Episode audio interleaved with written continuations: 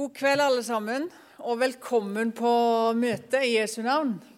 Dette var eh, kjempeflott å se alle dere. Helt utrolig. Eh, takk for at jeg fikk lov til å komme, og takk for at jeg får lov til å være sammen med dere. Det er jo engang sånn da, at eh, vi er her av mange grunner, men en av grunnene er jo faktisk at vi skal hjelpe hverandre fram til det evige liv. Ja, jeg tror vi eh, begynner med å prise Jesus. Gode Herre Jesus Kristus, du som er sann Gud, evig Gud. Og du som kom fra himmelen for å komme med liv og overflod, og du kom med, med frelse, du kom med en ny retning. Du kom for å frelse fra fra død og fra djevel og fra en evig fortapelse. Gode Jesus, vi ber om at du er nær hos oss med din godhet og med din kjærlighet og med din visdom, og at du overbeviser oss, og at du gir oss tro. Takk for at du er vår gode far og vår beste venn. Gode Herre, vi legger oss i dine hender og ber om at du gjør et under i våre liv. Ber om at du,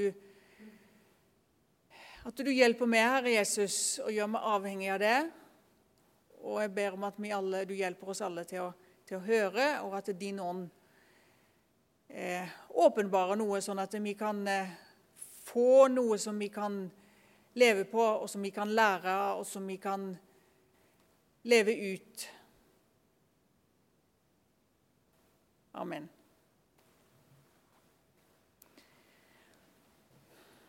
Troverdig liv. Troverdig kristenliv. Dere skal få se et bilde på en skjerm. Og det eh, bildet er av eh, en bru. Nå fikk vi nesten bare halvparten, men eh, dere klarer også se resten. Det er ikke sånn misjonærer drev på med før i tida. Han hadde sånne lysbilder, og så sa de at utenfor her så er det egentlig eh, Og Denne brua her den er fra Honduras. Eh, og som dere ser, så, så er det en, en, skikkelig god bru. Skikkelig solide greier. Som er bygd for å tåle det aller meste. Men så er det bare det at det kom en sånn type en storm eller en eh, eh, ja, syklon eller hva det var for noe som kom. Og så fjerna den hele elveleiet. For før så gikk vannet under brua. Men så plutselig så ble elveleia flyttet. Og da ser du at den brua er liksom Den er ikke helt Har ikke helt funnet sin plass, på en måte. Og sånn går det an, tror jeg. Jeg tror vi kan bruke det bildet eh, som en illustrasjon på et kristenliv òg. Kanskje du har alt ditt på det tørre. Kanskje du har det mest solide byggverket som du syns i din teologi. Men det har liksom ikke Du har ikke nærhet til selve livet. Og så blir, det, så, så, så blir på en måte ikke den der brua den blir liksom ikke så troverdig. På en måte så er det ikke noe galt med den brua heller. Men den tjener jo ikke sin hensikt. Og Når du hører dette ordet troverdighet, hva tenker du på da? Hva tenker du på når du tenker på en troverdig person? Og kanskje er det mye lettere å spørre hvem tenker du på når du tenker på en troverdig person? Jeg tenker i alle fall på ja, tillit, åpenhet, pålitelighet, trofasthet, ærlighet At det er transparent, at det er heil ved.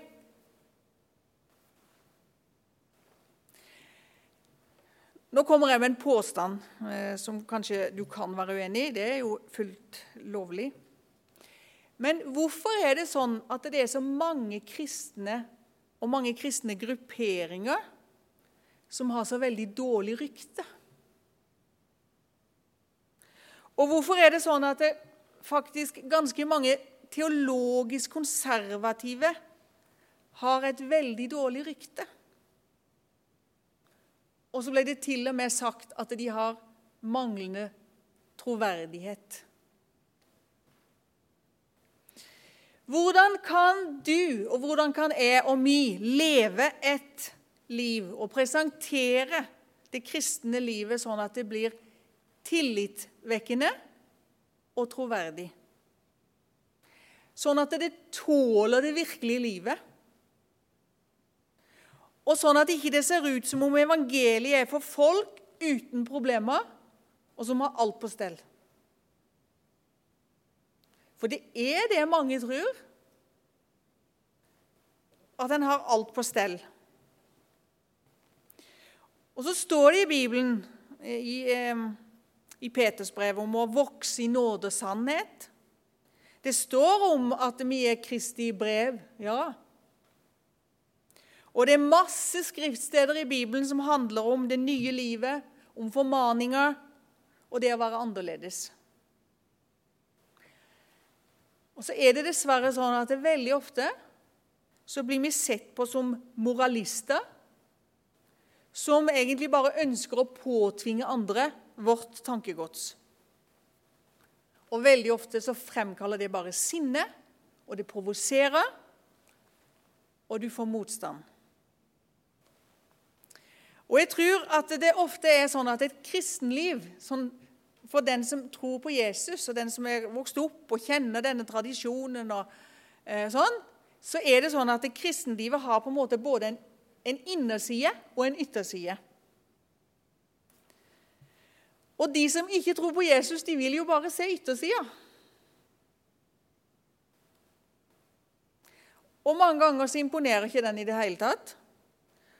Og Ofte så gir den ikke mening heller. Og kanskje vi blir dratt litt over på deres banehalvdel når de liksom eh, på en måte hentyder om ja, ikke sant, Når du hører dette her om at jo da, de, de vil tro på Gud, men det er bakkemannskapet liksom, som ikke de har så sans for. Så blir vi dratt litt over på deres banehalvdel. Og så begynner vårt kristenliv å dreie seg om fasader må vi ta oss enda litt mer sammen da, for vi skal gjøre litt mer inntrykk. Og så får vi et image. Og helt umerkelig så begynner vårt liv å dreie seg om moral og livsstil og rette meninger. Men å være en kristen og tro på Jesus, det er ikke en konkurranse i å være mest konservativ eller å være innafor visse sirkler. Jeg skal lese fra Salme 51. Da leser vi vers 9 og vers 12. Eh, og 8 og 12. Se! Det er David som ber. vet du. Han er helt knust. Han har falt i synd, og han har eh, eh svikta Gud. Og så sier han, Se! Du har lyst til sannhet i det innerste av hjertet. Så lær meg da visdom i hjertets dyp. Vi kan lese ni òg. Rens meg fra synd med isopp, så jeg blir ren. Vask meg, så jeg blir hvitere enn snø. Gud, skap i meg et rent hjerte, og forny en stadig ånd inni meg. Å være en kristen det begynner med en relasjon til vår skaper og far. Et personlig kjennskap til Jesus som Herre. og en overbevisning og glede i Den hellige ånd. Ingen blir frelst av å leve et skikkelig liv. Ingen kommer til himmelen ved å ha de rette meningene. Og dette er det evige liv. At de kjenner ham, den eneste sanne Gud, og Han du utsendte, Jesus Kristus.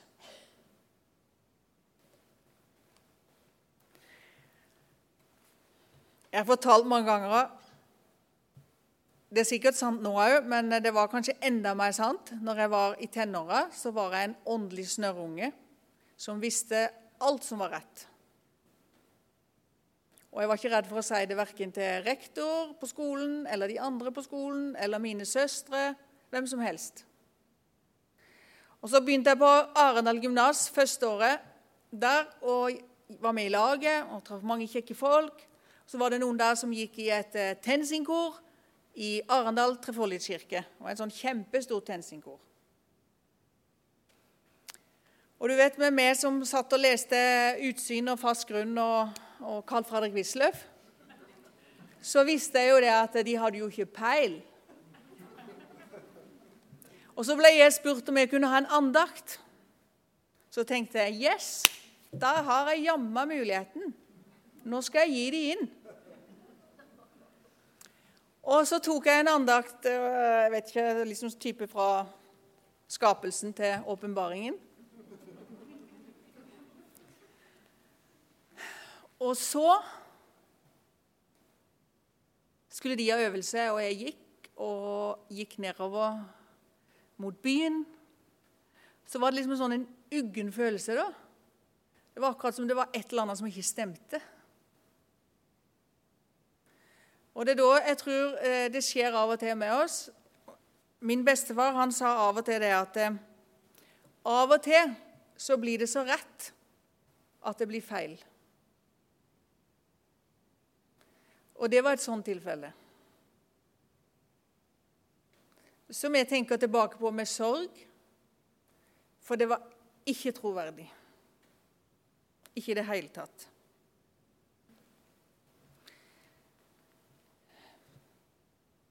David, når han hadde falt, så ber han ikke til Gud om at det, ja, nå må du hjelpe meg sånn at jeg kommer på, eh, på plussida og får, blir skikkelig igjen. Nei, da er det relasjonen til Jesus, eller til, til, til Herren, som, som gjelder. Ingen blir frelst av å leve et skikkelig liv. Ingen kommer til himmelen pga. å ha alle rette meninger. Vi må ikke blande moral og relasjonen som var basis for troen, for håpet og det nye livet. Men den som ikke er en kristen, vil jo ikke klare å, å se den innesida. Og mange ganger så glemmer òg vi som tror på Jesus, hva som egentlig ligger i bånn. Og så blir en mer opptatt av åssen en tar seg ut, og hvor mye man lykkes med å bli bedre.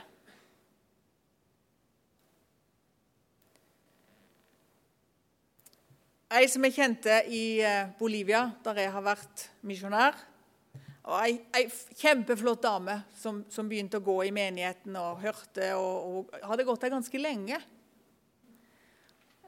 Hun var i en annen by, men jeg hadde blitt kjent med henne over tid. da. Og Så var det en gang hun var kommet på et kvinneleir, og så snakka vi sammen, og så sier jeg det at mm, Du vil ikke bli medlem i kirka, da? Du vil ikke bekjenne Jesus som Herre? Så tenker hun litt, så sier hun jo, jeg vil jo egentlig det. Men jeg har så lyst til å bli en skikkelig person først. Men så sier jeg, men tror du ikke at du må vente ganske lenge, da? Hun brukte egentlig uttrykket 'perfekt person'. Så sier hun, tror, du ikke du at du må vente ganske lenge, da? Så måtte hun jo flire litt. Da. Så ser hun jo det blir jo ganske lenge. For det får hun ikke til. Du vet, Kjærligheten det består jo ikke i det at, det, at vi elsker Gud så mye, men at han elsker oss. Og Det er en sang som er den vestlige verden, i hvert fall den eh, angelsaksiske verden sin sang, 'Amazing Grace'. Og Der er det en setning som er sånn I was lost, but now I'm found. Jeg var tapt, men nå er jeg funnet igjen. Det er en enorm forskjell på å behandle en ikke-troende som en som har tatt feil, eller en som er, går ustødig på veien, og som har gått seg helt vill. Å se den andre personen som en som kanskje har en, en sånn underliggende tøst. Kanskje han vil si at nei, han har ikke noe tøst. Etter evighet og fellesskap med sin skaper og frelser. Men så blir det jo sånn Men, men, men, skal ikke en kristen leve annerledes? Jo, kom igjen i morgen, så skal vi snakke om det. Da skal vi snakke om troverdig omvendelsesliv. Men prøv deg litt sjøl i forhold til dette her med en relasjon eller en, en moralkristendom. Hvis noen, hvis, hvis, hvis noen, da skulle spørre deg hva betyr det at du er en kristen, så vet vi nesten ikke hva vi skal si. Så sier vi ja, nei, jeg går jo i den menigheten der, og så er jeg mot det og det. Vi må jo ha litt mer enn det. Vi kunne si at ja, det å tro på Jesus det gir meg trøst på tunge dager. Eller en kan si når jeg svikter familien min eller venner, så, så ber jeg om tilgivelse og får tilgivelse. Jeg får renselse hos, eh, hos Gud. Jeg ber om hjelp til å fortsette på den veien. Eller du kan si at jeg har håp for evigheten eller for fremtida. Du kan si at å være kristen det er jo rettferdighet, fred og glede i Den hellige ånd. Det er jo å kjenne en fullkommen far. Det gir meg mening med å leve. Jeg var tapt, og nå er jeg funnet igjen. Apostelen Paulus bruker så mange ganger dette her med at det før så var det jo sånn, men nå dere var døde, men nå har dere jo livet i Jesus. Han sa vi, vi var jo ikke bare verdens barn, men vi var vredens barn. Og vet du hva? Hadde det ikke vært, hvis du tror på Jesus, hadde det ikke vært for at du tror på Jesus, så hadde du levd på akkurat samme måten som de du kan forarge deg over. Du hadde skrevet akkurat de samme avisinnleggene som de avisinnlegger du kan bli så sinna på. Fordi at da hadde du vært verdensbarn. Men nå tror du på Jesus. Og det gjør du fordi at eh, du var jo tapt, men nå er du funnet igjen. Det var en sånn amerikansk undersøkelse som, laget, som, som gikk ut på det at eh, Hvilke ord eller setning har du mest lyst til å høre fra dine nærmeste? Første var 'Jeg er glad i deg'. Det andre var 'Jeg tilgir deg'. Og den tredje 'Maten er klar'. Og egentlig så er det akkurat det samme som er i den fortellingen med han som rota seg bort, den bortkomne sønn. Når han kommer tilbake, så står bare faren med åpne armer og signaliserer og viser og sier 'Jeg er glad i deg. Jeg tilgir deg.' Og nå er maten klar. Å være en kristen, det er ikke å være religiøst anlagt men å ha Den hellige ånd innlagt. Sannhet i det innerste av hjertet. Det er jo det motsatte av falskhet og fasader og det å dekke til og lure seg sjøl og andre. Jeg hørte en, en, sånn fin historie som gjorde inntrykk på meg. For det var om ei mor som sikkert hadde et eh, rimelig bra temperament. Over gjennomsnittet. Så hun kjefta eh, ganske mye. Og kjefta både på ungene og på vennene og sånn. Så når eh, disse barna hadde en sånn eh, skolejubileum, eh, så var det en av de som hadde sagt at jeg, husker mor di. Hun var eh, skikkelig eh, kjeftekjerring. Så sa, så sa han faktisk han skjønner det, så sa han det. Ja, du har jo rett i det. Men det var noe som ikke dere så, men som vi så. Og det var det at mor nesten hver kveld ba om tilgivelse.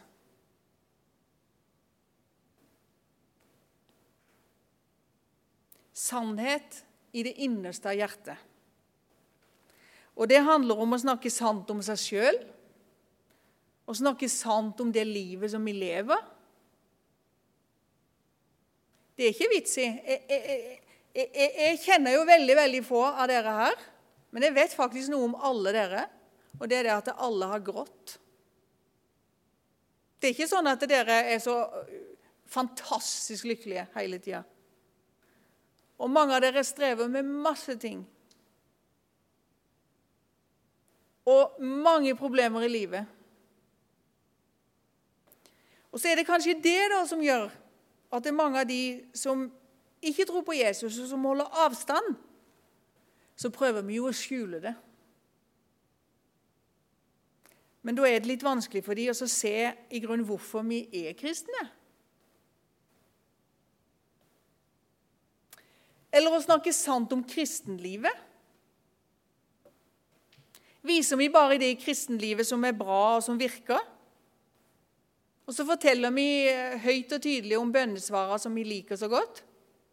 Men det som ikke Gud svarer på, og som går vår vei, det sier vi ingenting om.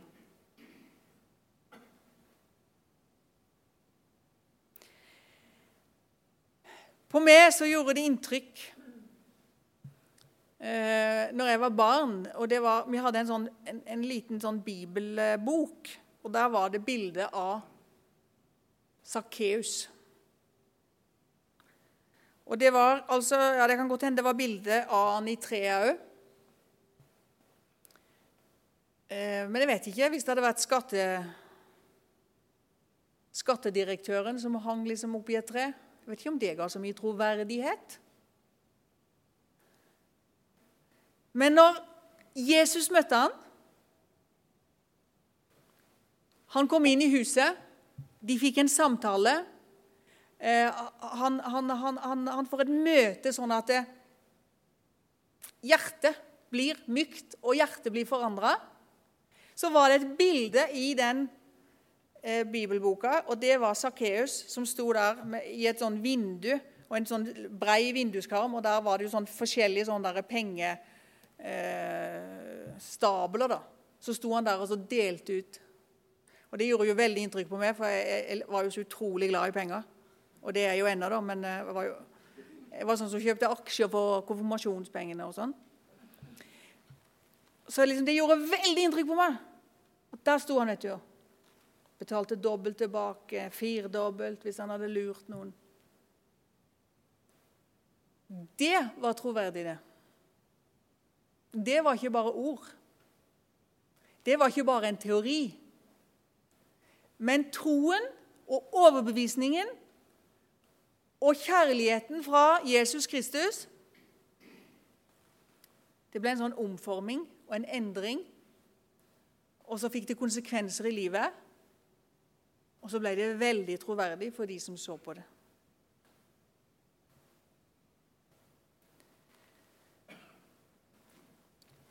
I morgen skal vi snakke om troverdig omvendelsesliv. Dåpsliv er omvendelsesliv. Omvendelsesliv er dåpsliv.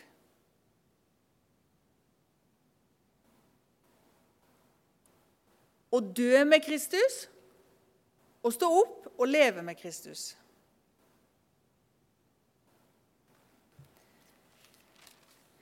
I Salme 84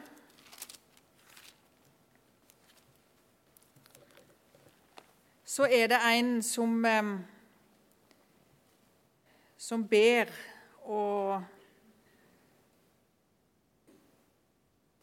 og sier sånn Min sjel lengter, ja, fortæres av lengsel etter Herrens foregårder. Mitt hjerte og mitt kjød roper med fryd til den levende Gud. Da er det relasjonen til Jesus, og der ligger basen, og der ligger det grunnlaget for en troverdighet som òg kan vise seg i livet. Gode Herre Jesus, du kjenner våre liv. Du kjenner vår fortid, og du kjenner nåtida og framtida. Du kjenner alt vi har eh, skjult, og alt vi prøver å gi inntrykk av, og alt som er halvt, og alt som er som er feigt. Herre Jesus, vi vil eh, legge det fram for deg og be om tilgivelse. Og så ber vi om at du renser oss. Og så ber vi om at du gir en nød for mennesker som ikke kjenner deg. Vi ber om at du gir oss en, eh, en kjærlighet.